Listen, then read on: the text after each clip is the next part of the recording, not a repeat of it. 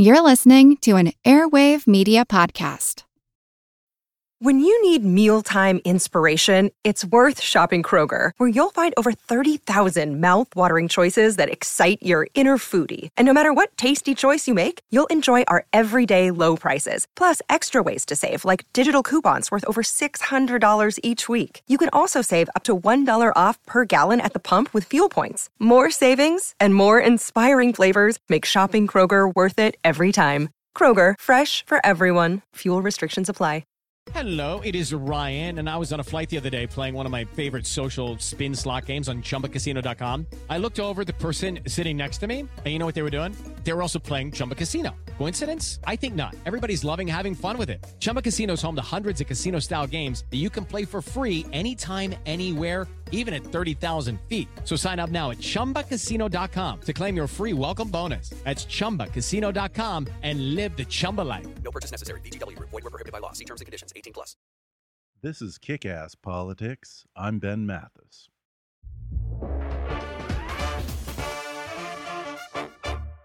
Kick Ass Politics is sponsored by Fiverr. You've heard me rave about Fiverr before. That's Fiverr with two R's.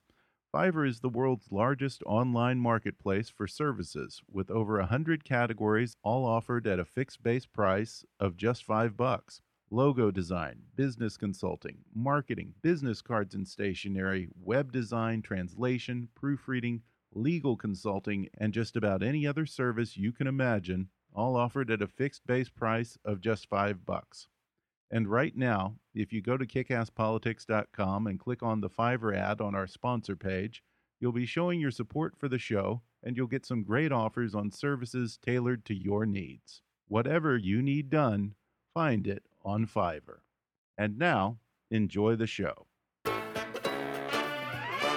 Hi, I'm Ben Mathis and welcome to Kick Ass Politics. Yesterday, Forbes magazine announced their annual list of the most powerful people in the world. And for the third year in a row, the number one most powerful person in the world is Russian President Vladimir Putin, followed by German Chancellor Angela Merkel, and then President Obama at number three. That's kind of embarrassing.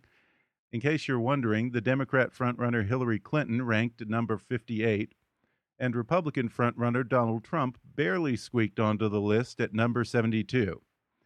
In explaining why Putin was picked as the most powerful person in the world for the third year in a row, Forbes magazine said, quote, Russia's president continues to prove he's one of the few men in the world powerful enough to do what he wants and get away with it. And from looking at the news, that's not much of an exaggeration. There isn't a single person in Russia powerful enough to question his decisions, much less mount a remotely viable challenge to Vladimir Putin and abroad, the international community acts just about as helpless.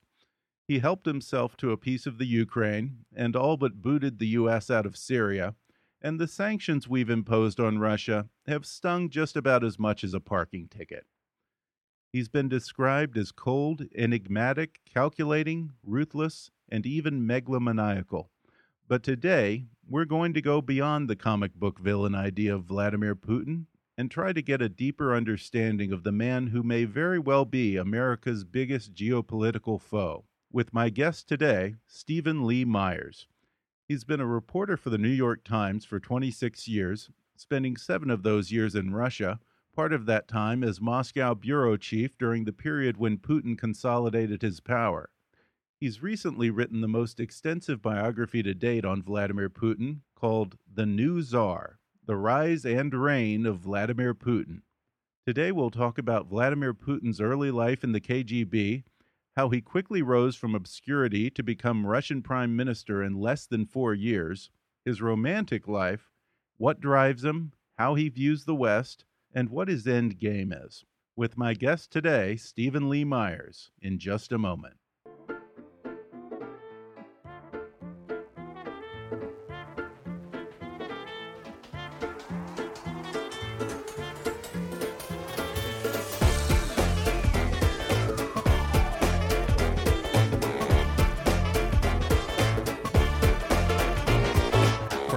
Hollywood to Washington, it's time for Kick Ass Politics. And now here's your host, Ben Mathis. Today I'm joined by Steven Lee Myers. He's worked as a reporter for the New York Times for 26 years, and he spent seven of those years in Russia during the same period when Vladimir Putin consolidated his power. And now he has a brand new book out called The New Tsar The Rise and Reign of Vladimir Putin. Steven, thanks for coming on the show. It's great to be here. Thank you. Um, I think there are a lot of people who are like me who, before this book, my image of Vladimir Putin up to this point was always kind of this cartoonish Bond villain type of character. And this book really fleshes him out and paints a much broader portrait of who Vladimir Putin is and what motivates him than anything that I have seen written previously about the man. Um, let's talk about his early years. It's interesting that such a powerful man came from such humble beginnings. And uh, he grew up in what you describe as abject poverty. He wasn't much of a student, uh, didn't really show much promise uh, for much of his early life. So tell us a little bit about the origin story of Vladimir Putin. He grew up in, in a communal apartment uh, in the center of Leningrad, you know, has been described as quite fetid, um, you know, with cracks in the stairs, um, and, you know, shared a communal apartment with three other families. Um, he had he didn't have a room of his own, for example. Shared the communal. typical Soviet experience that you've always, that we always heard you about. know, it's huh? important to think of it as, as a tip. It was typical. Yeah. Um, he he was not a, a child of privilege. Certainly, his father was a was a factory worker. Uh, his mother did odd jobs. Um, so it, he he was an ordinary Russian child, and he grew up probably not aware of the deprivation as much. And so he, he grew up in this in this environment. He he describes it himself as as a pure Soviet education, uh, the way he was brought up, um, and and it was certainly not something that would lead you to think that this was somebody who was going to rise to the heights that he has. Yeah, it talks about how he you know, he plagiarized his uh, thesis paper in college and how he was kind of a rambunctious kid in school, wasn't particularly dedicated to his studies, and then he goes into the KGB, and uh, by all accounts seems to have a rather unremarkable career. In your book, you tell this apocryphal story about Putin when he was a lieutenant colonel for the KGB, stationed in Dresden, East Germany, in the fall of 1989. Could you tell that story for me? Because I think that that reveals an awful lot about who Vladimir Putin is and what his worldview is.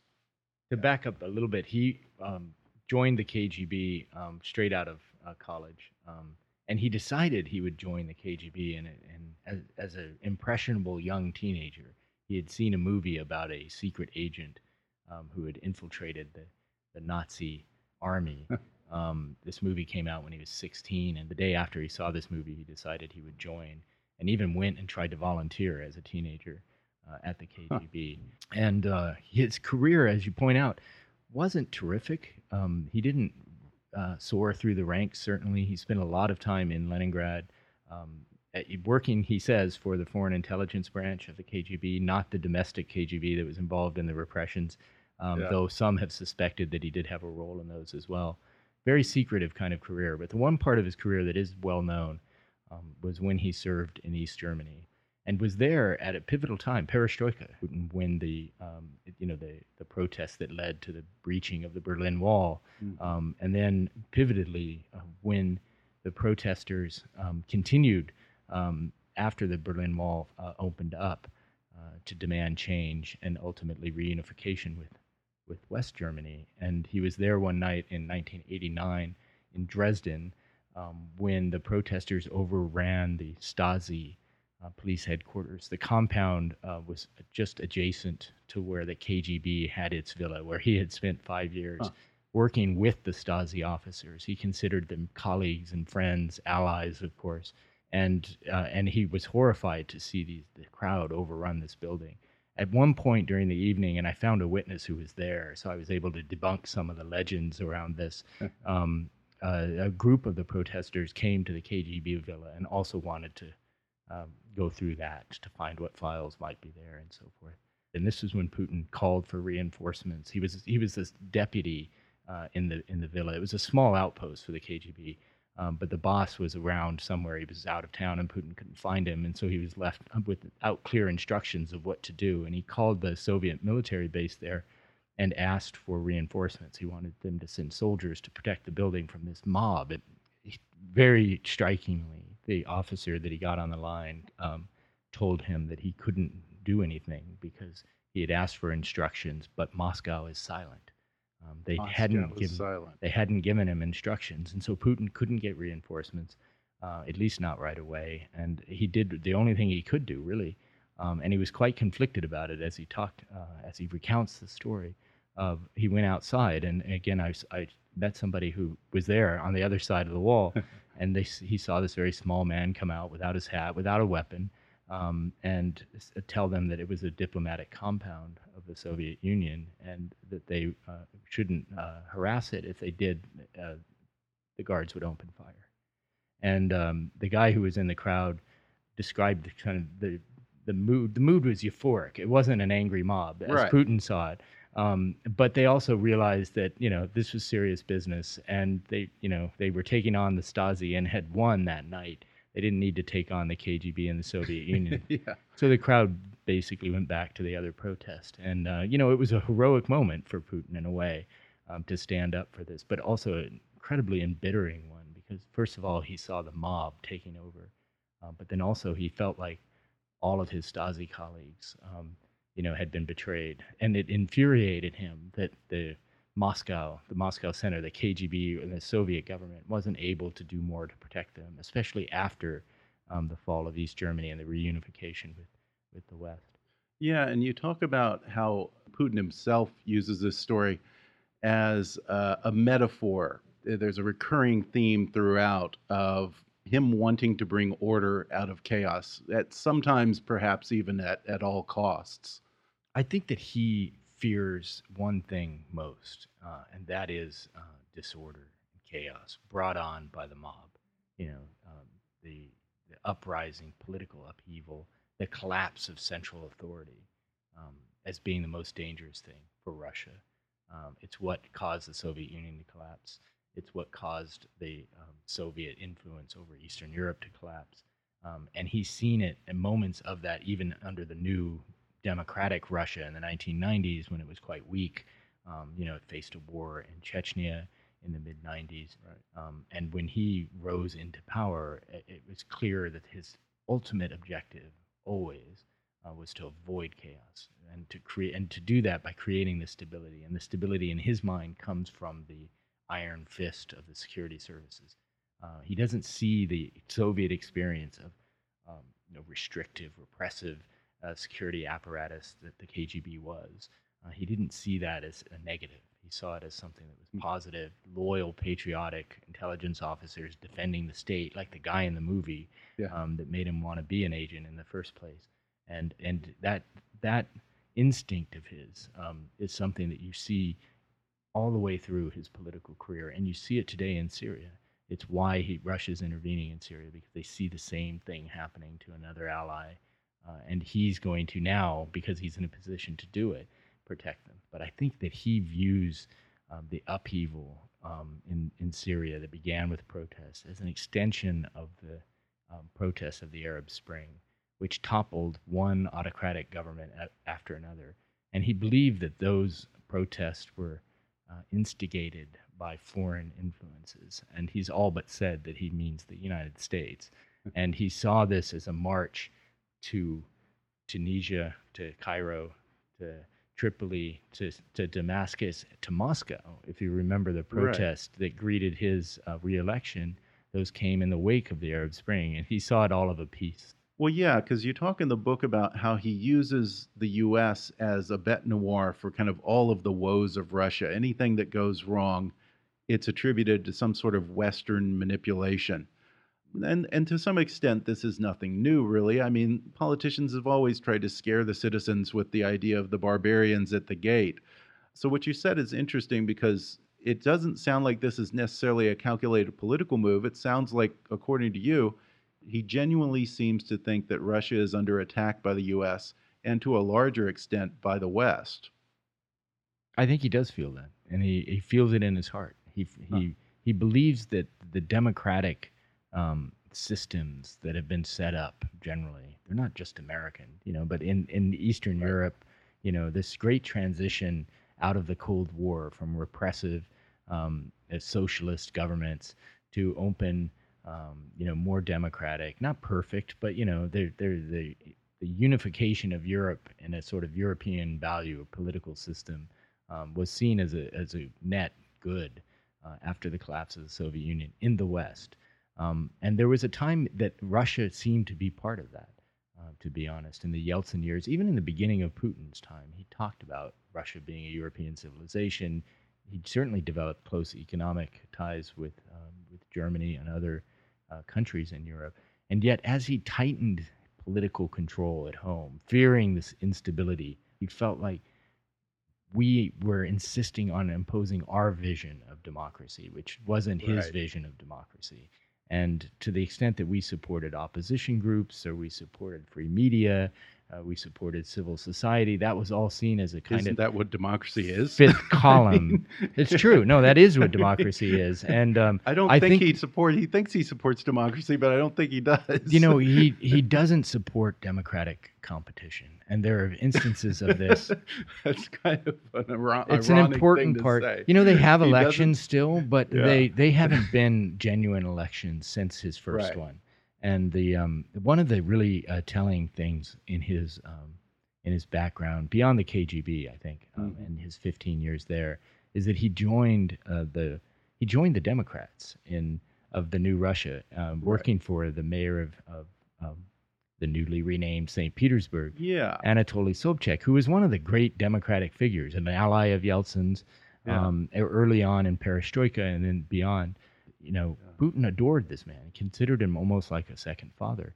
And in 1996, uh, he faced reelection. Sobchak um, had grown quite enamored with himself, is a polite way to put it, I think. and he and he had he he loved his international celebrity um, you know, hosting the Goodwill Games and things like this. Um, but he paid much less attention to actually running the city at a time in the 90s. It was a very difficult time for Russia, um, generally everywhere. And this other deputy um, promised to make the trains run. He promised to fix the sewage system and, and the subways and, and you know the basic Yeah. services.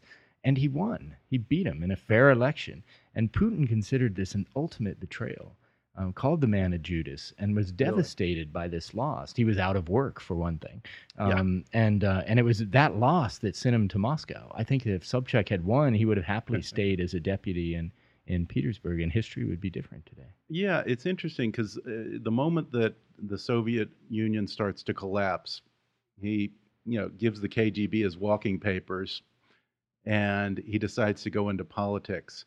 When he went into politics, working for the mayor of St. Petersburg, who you said was, you know, a big champion of democratic reform and so forth, was he suddenly just a true believer, or and then he got disillusioned once he saw what democracy really is and saw the chaos that we talked about? Or was it always just a calculated career move on his behalf to leave the KGB and go into politics? You know, some people will will probably disagree with me on this, but I think he went um, with Sobchak because he did see this um, possibility of of a maybe not the democratic Russia in the way that we think of it, obviously, given his instincts, but but of of seeing the need for change.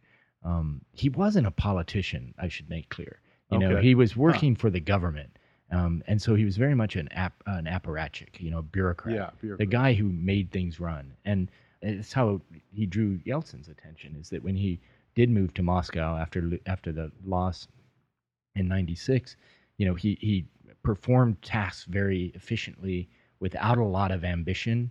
Um, going back to his KGB career, because ambition would get you in trouble in Yeah. the 90s in Russia because everybody seemed to want to be president and everybody was gunning for um, Yeltsin's job, and that made Yeltsin even more nervous and paranoid. But Putin didn't seem to want the job, and he never he never campaigned ever for any job he's had.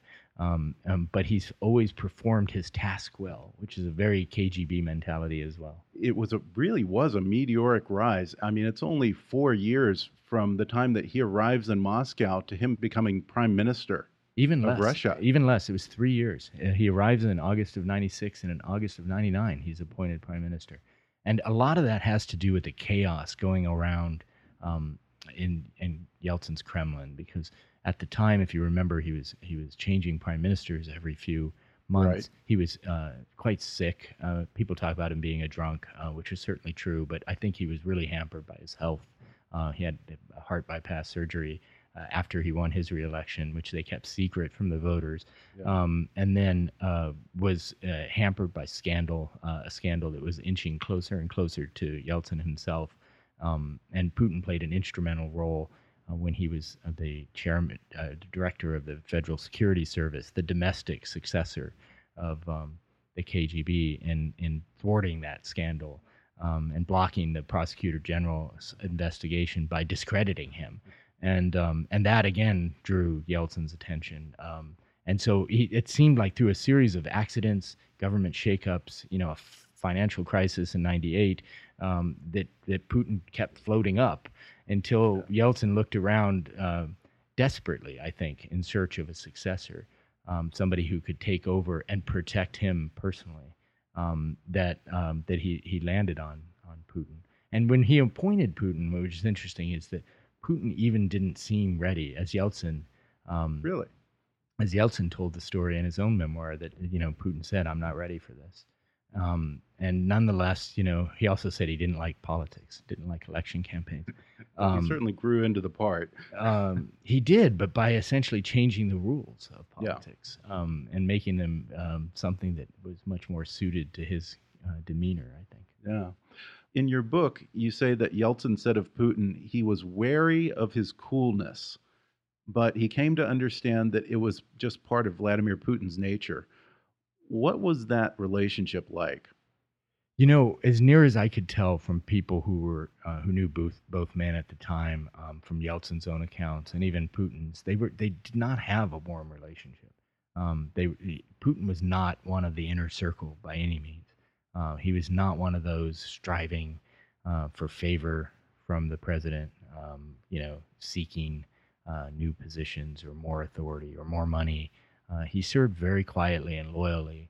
Um, and and as Yeltsin described it, and the passage you just mentioned, he he seemed to think that Putin was almost a detached figure, and in a way that appealed to Yeltsin, I think, because he he didn't feel like Putin was ever asking him for anything, um, but served loyally and demonstrated that in the way that he went after the prosecutor general. Very amusing um, part of the um, of the history, and um, and and I think that that's what made Yeltsin have confidence that he would be as loyal as he turned out to be.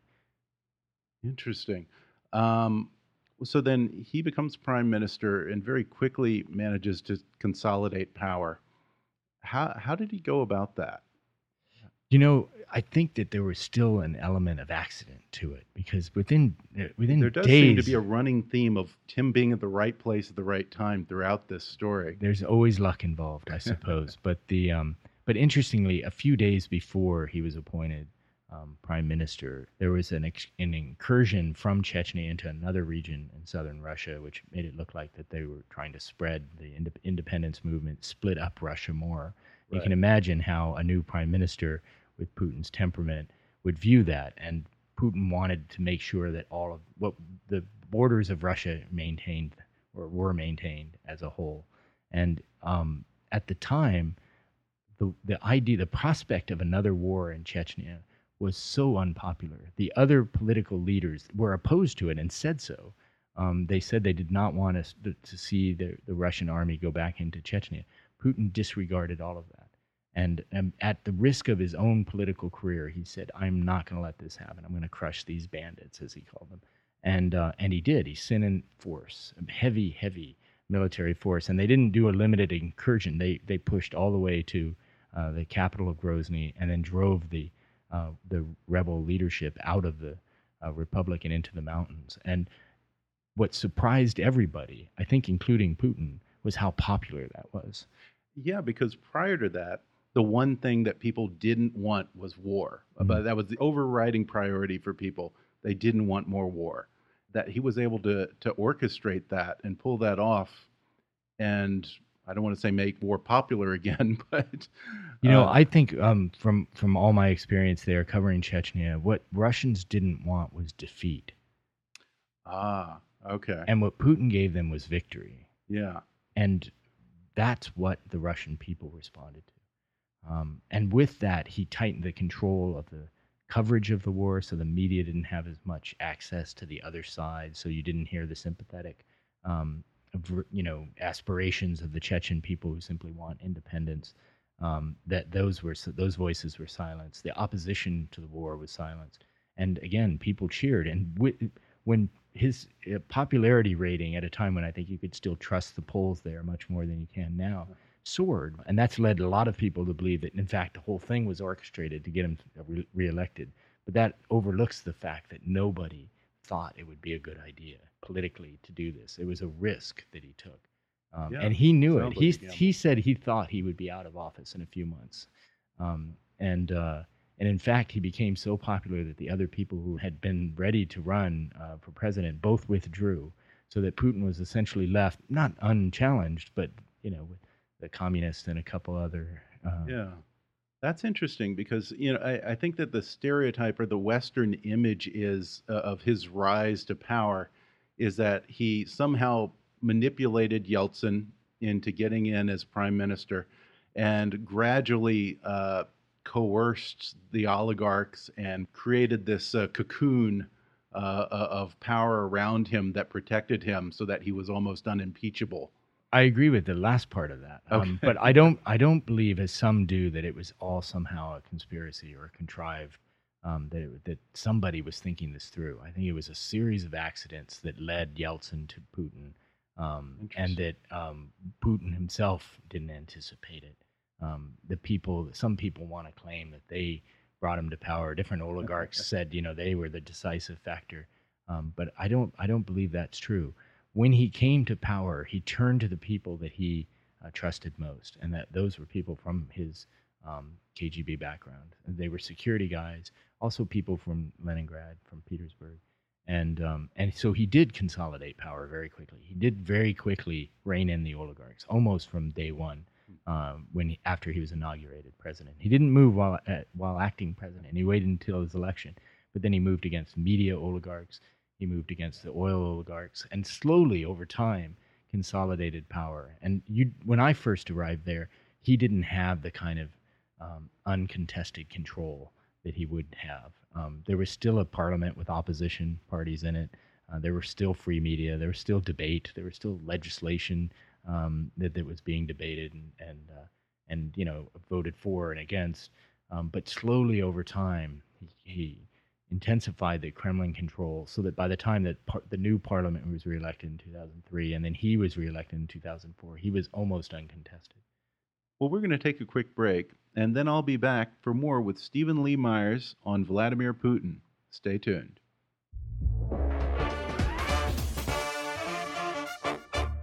If you're enjoying my conversation with Steven Lee Myers, then check out his book, The New Tsar The Rise and Reign of Vladimir Putin. And right now, you can download the audio version of this book for free with a special promotion for our listeners from audible.com. Just go to audibletrial.com backslash kickasspolitics for a free 30-day trial and a free audiobook download, which can be The Last Czar by my guest today, Steven Lee Myers, or any of Audible's 180,000 titles for your iPhone, Android, Kindle, iPad, or MP3 player.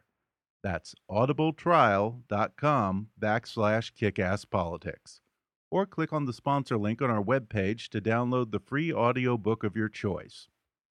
And if you like Kickass Politics and want to help keep us on the air, then please support the show by making a donation to our GoFundMe campaign at gofundme.com backslash kickasspolitics. Or go to the show website and click on the donate link. Your support will help keep us producing new and interesting programs in the future. That's gofundme.com backslash kickasspolitics.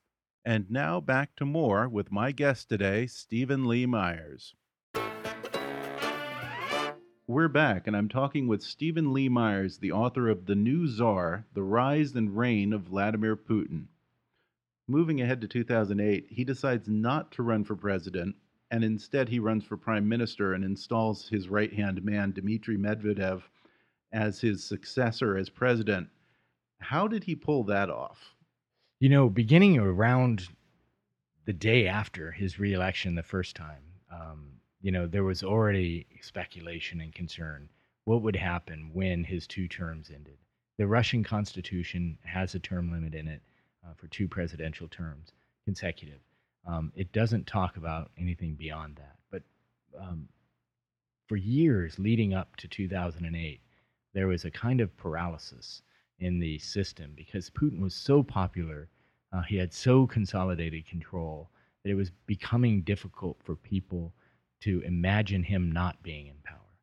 Um, you know, he had tamed the oligarchs, he had um, tamed the opposition parties uh, so that they're now effectively loyal opposition. Um, and he had so consol- consolidated political control inside the Kremlin that the real competition that was going on was inside his inner circle of like who would be groomed, who would get appointed the way he had been appointed by Yeltsin. Um, and they they called this, um, and I call it one of the chapters, the 2008 problem. Um, and only in an authoritarian system is it a problem to have a reelection. Um, and there were appeals to Putin literally up until the end of the election to change the constitution, simply remove the term limit uh, on the president. And with the snap of his fingers, he would have been able to do that. Um, but he did not want to, which is very interesting about him, I think. And again, going back to what you're saying, you see him as a as a as a villain and a, as a caricature, and there are truly elements of that. But there there is also a more complex um, story behind some of the things he's done, and he did not want to be seen as a tin pot dictator, you know, a Nazarbayev in Kazakhstan, you know, Mm-hmm. who has erased all limits, you know, president for life, this sort of thing. Yeah. Um, so he wanted to manage the secession, but also um, um, not violate the spirit, at least, of the Constitution, or maybe the letter. Um, and he did that by uh, grooming two of his closest allies um, one, Sergei Ivanov, who served with him in the KGB from the very beginning, uh, and Dmitry Medvedev, who was a, a younger version of Putin, if you will, uh, had also worked for Sobchak in um, Petersburg. Um, a younger guy, a lawyer, also um, very close to Putin. And ultimately, Putin decided on Medvedev. And that decision decided the election. It's like a primary of one. um, and, uh, you know, so Medvedev took over. And um, Putin then was appointed prime minister by Medvedev, which seemed to kind of mollify everyone in the political elite. So, in other words, Putin wasn't leaving after all. People were terrified that he would leave. Um, but he did hand the reins of the state over to Medvedev um, to a degree. I mean, I don't think anybody thought he wasn't the paramount ruler Right. and the, had a veto over any major decision. But he did give the um, the the powers of the presidency, especially the role of the head of the state, you know, foreign policy. He left to Medvedev to a certain degree. So the U.S. was dealing with Medvedev, not with Putin, because in the Um, press, I mean, we all, I think everyone in America remembers when Obama was running for re-election, that famous situation where he was talking to Medvedev, and he says, "Tell Vladimir something along the lines of, we'll have more room to negotiate after the election." Exactly. So- And he said, I'll tell Vladimir. Yes. Um, and there's no question that Putin remained the paramount leader. I Yeah. mean, there's no doubt about that in my mind. But I've talked a lot um, to the Obama administration, uh, people who were involved in this. And, um, you know, when they came to office, um, Obama, that is, in uh, January of 2009, Medvedev was already the president of Russia at that Right. point. Bush had some dealings with him at the end of his presidency. Um, but they made a deliberate choice um, to respect the office of the presidency in Russia and Interesting. through protocol and all that, um, you know, dealt with him directly, trying as they could to make sure they touched base with Putin. Um, and Putin would deflect. He would actually send them back to um, Oh, really? Medvedev on issues. Um, if, if they were trying to deal with Iran issue back then as well, um, and and Putin always said, talk to talk to the president. Um, and you know, one of the WikiLeaks cables, uh, uh, one of the American diplomats described um, Medvedev as being the uh, Robin to Putin's Batman. Huh. Um, and so I think that everybody was aware of that. But tellingly, when the Arab Spring began, um, Medvedev was surprised by a question at Davos, um, the annual gathering Right. um, when somebody asked about the uprising in Tunisia, which was happening at that point, and um, and he expressed sympathy um, for the aspirations of the people in the street in a way that was quite alarming to Putin. And then Yeah. he went on as president uh, under enormous pressure from the White House, uh, including a visit by Joe Biden um, in, to Moscow, to, to not interfere, not veto um, the intervention in Libya through, at the U- UN. And uh, under that pressure, Medvedev agreed uh, and, and abstained from the vote so that the NATO operation in Libya went ahead. And Putin was infuriated by this. Um, and it was their first public breach. Um, and from that moment on, Medvedev was doomed. And it was a few months later that Putin came back and announced. And I've been told by people close to Putin that it was that decision, that his handling of Libya, which he saw as, as irresolute, that prompted Putin to feel like he had to come back and take the reins again. But it wasn't the plan always, probably, for him to come back after only four years. Many people have said that that, I mean, in, in hindsight, it looked like, of course, he was always going to come back. And Putin Right. even said something that infuriated the protesters who, who did pour into the streets. This was a very unpopular decision, at least in some quarters. Um, he said, you know, we've discussed this for years.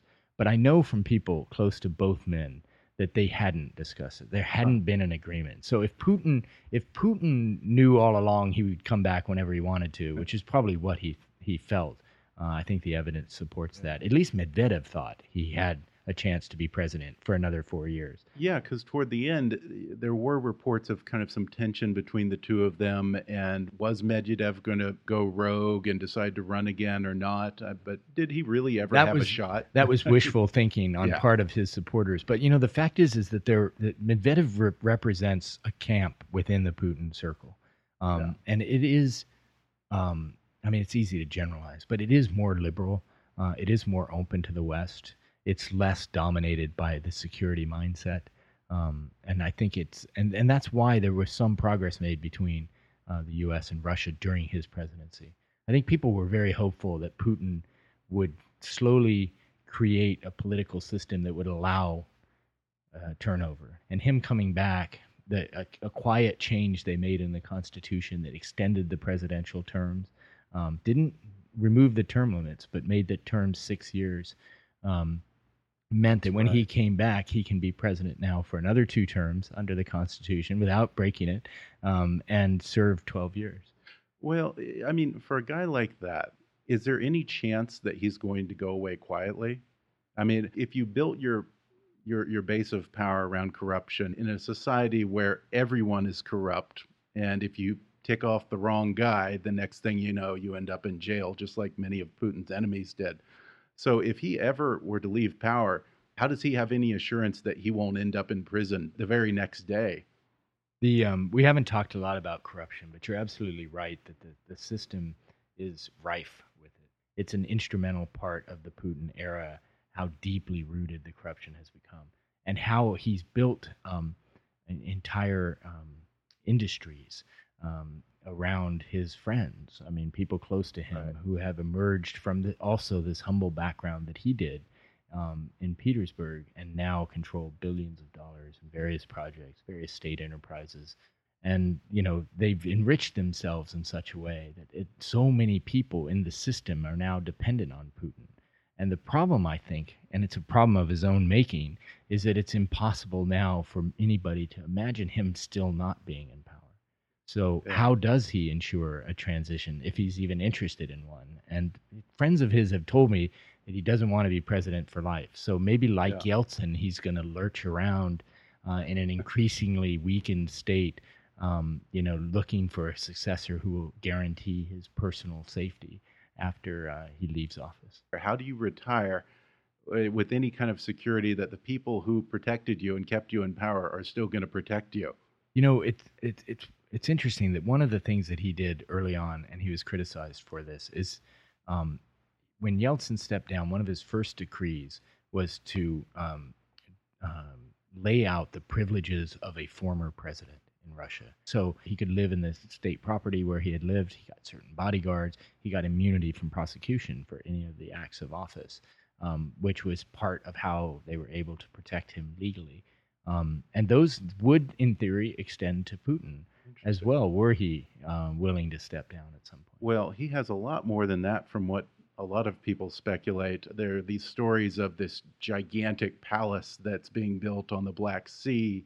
Uh, there are people who think that he he may very well be the richest man in Europe. What's your best guess at his wealth? The um, I know I've been told uh, I should say that the CIA has done an estimate um, of of his wealth that put it at one point a few years ago uh, at anywhere from forty to seventy billion dollars. But I think it's actually more telling to think about it less as a big pot of gold somewhere. It's a much more informal system of ownership or control that he has over assets. Um, that could be assets, stocks in major companies, for example, owned by family members. This is a, a new tradition in uh, um, in Russia today um, that people like Alexei Navalny, the opposition leader, are exposing. You know, the uh, the very expensive apartments of wives of deputy ministers and so forth.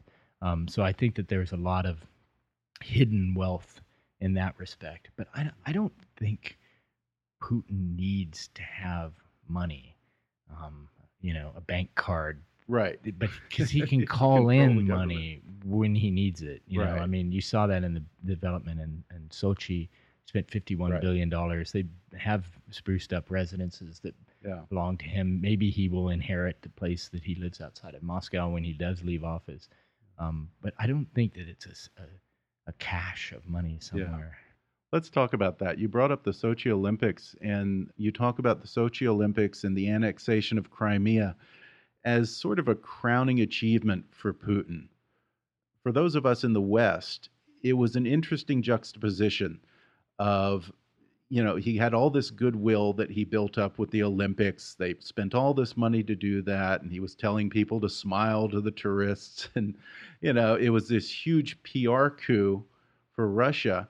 And then just weeks later, he invades Crimea. And it seemed to me, you know, what was the point, you know, building up all that goodwill with the Olympics only to just squander it weeks later on this power grab?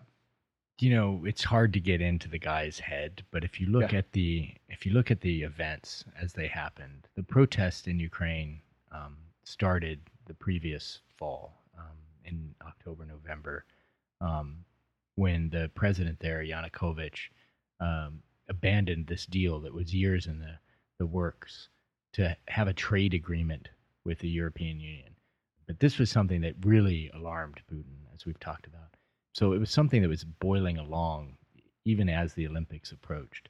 Um, and he had, it seemed, right before the Olympics in December, had had bought off Yanukovych with $15 billion in loans. Um, and it seemed to have kind of deflated the protest there that had been going on for some time. And then the Olympics began in late January into February. And there seemed to be, as you said, this kind of goodwill that had been created. A lot of people thought that the Olympics wouldn't happen. I mean, they thought there'd be a terrorist attack. They right. thought that venues wouldn't be ready, and some were ready really only at the last minute. Um, right. There was fresh paint on a lot of uh, a lot of the structures in Sochi, um, but nonetheless, the, the the opening ceremony, you know, the games as they should, you know, seemed to be apolitical, yeah. and and it did it, it, did put a, a, good face forward for Russia, I think.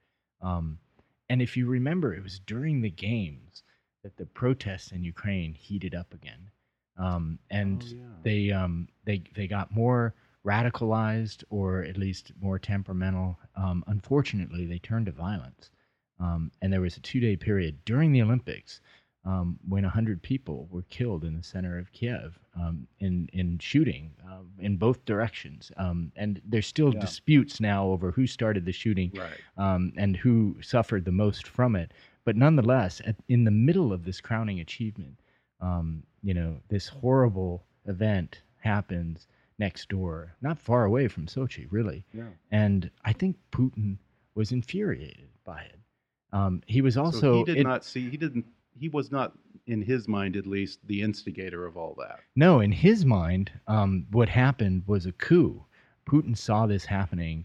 Uh, again, I think reacted personally that you know his crowning moment was was being uh, sullied by this horrible, you know, intervention um, from the outside, meaning the West, meaning the U.S. Yeah. Um, and he reacted in a very emotional and uh, impetuous way by annexing Crimea. No one huh. saw that coming. um, because I think it was a decision made in a very small group of people and, and completely out of an emotional response. I mean, he honeymooned in Crimea. This is a place that's special to him, and it's a beautiful place. Um, and and because of the Black Sea Fleet, uh, it was always a very emotional issue in security circles.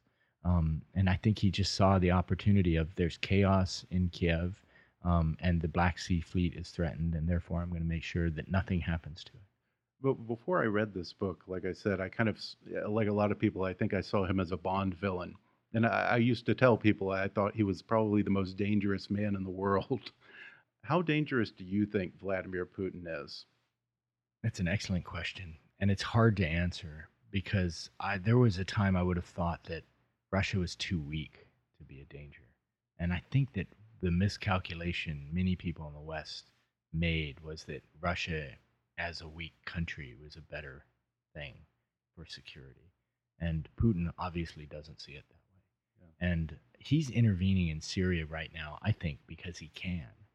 Um, he can because they've they've put some quietly some effort into military modernization since the war in Georgia in 2008, and that's paying off in some respects. But the since the events in Crimea, you've seen a, a big uptick in these um, exercises, including with the strategic forces, um, confrontations in the air and at sea. Uh, and those are dangerous. That's like the Cold War again. Yeah. I think if you look at the intervention in Syria, it's been much more decisive um, in its tactics and strategy, I think, than the American led coalition has been against ISIS, Yeah.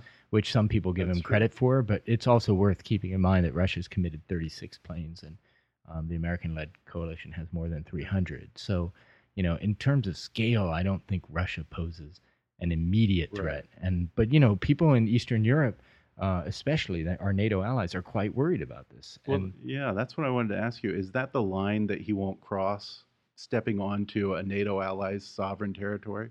Would that be the line for him? I would hope think? so. The reaction of NATO and the United States uh, since uh, Crimea has been to step up their own exercises, Yeah. the rotation of forces through Eastern Europe, including the Baltic states. We sort of Mm-hmm. had an informal understanding that we wouldn't put a lot of American troops in the Baltic states.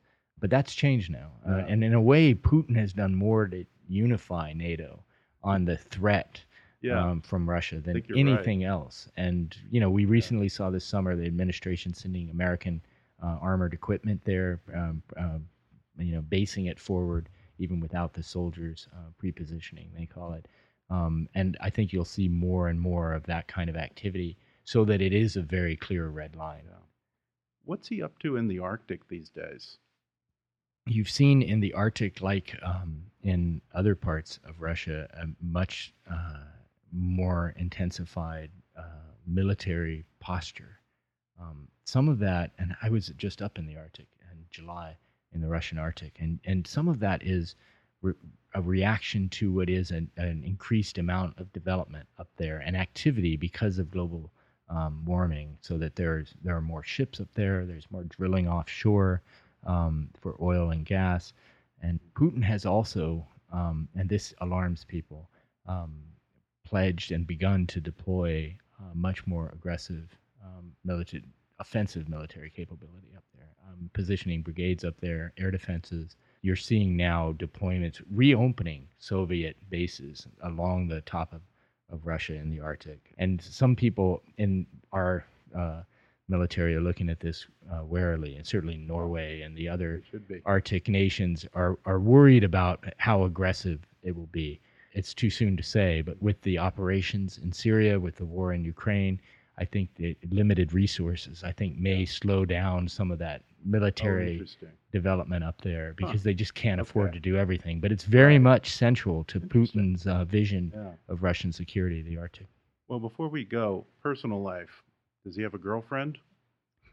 he said uh, not long ago that he had love in his life, um, but that's a kind of classic uh, deflection. I mean, he's not saying yes Yeah. or no. I mean, there, He- there was the gymnast supposedly, and all. There are always was- these these rumors about. there have been rumors of of other women involved. Um, his relationship um, with his wife Ludmila uh, seems to have not been particularly warm. Um, by by his second term, but when he was prime minister, she had largely disappeared from life. His kids had grown um, and lived under secret identities. By the way, um, Wow. um, he hid them from public view, um, maybe with some reason because of the war in Chechnya, Right. fear of terrorism. That's Yeah, what one of his friends told me that it was about that. Yeah. Um, but they they also have, have not yet reemerged. Though one of them seem one of the daughters seems to be under an assumed name in charge of a big program. Was- but Was there any truth to the to the rumors that he had eg- pretty much exiled her to a convent like the old czars used you know, to do to their uh, wives? th- that was one of those things that goes in the category of legend, I think, and the caricature. It- It's sort of easy to say that, you Yeah. know. Um, uh, but the fact of the matter is, is that they they did come out and announce that they had divorced and Yeah. that it was amicable, um, and that a year later it was official, um, which was in 2013. And so since then he's been a bachelor again, but um, it's uh, it's not ever been demonstrated um, that he has yet, you know, emerged with a second family. It's been reported. Uh, there's a false report in 2008. and a baby, yeah. um, There are reports of babies and so Yeah. forth, but I, you know, I don't give those much credence. Yeah. Well, thank you so much. The book is called The New Tsar The Rise and Reign of Vladimir Putin. Steven Lee Myers, thank you very much for joining me to talk about Vladimir Putin. Thank you. Thanks again to Steven Lee Myers for sitting down with me. If you found our conversation interesting, then you should definitely read his new book, The New Tsar The Rise and Reign of Vladimir Putin. So I'm going to include an Amazon link where you can order the book in the show notes and on our website at kickasspolitics.com. And if you prefer to listen to the audio version of Steven's book, you can download that for free thanks to that special offer for our listeners from audible.com. Just go to audibletrial.com backslash kickasspolitics and you can get a free 30-day trial and a free download of The New Tsar by Steven Lee Myers or any of over 180,000 titles. Be sure to subscribe to the show on iTunes and leave us a review. The other thing you can do to help the show is to go on your Facebook page or Twitter to recommend Kick Ass Politics to your friends and suggest that they subscribe. And if you do that, each week you'll be entered to win a signed copy of a book by one of my guests on the show. So be sure to tag us when you do so. You can tag us on Twitter at, at KAPolitics, or our Facebook page is just Kick Ass Politics. And as always, I welcome your comments, questions, gripes, and suggestions at comments at kickasspolitics.com. But for now, I'm Ben Mathis, and thanks for listening to Kick Ass Politics.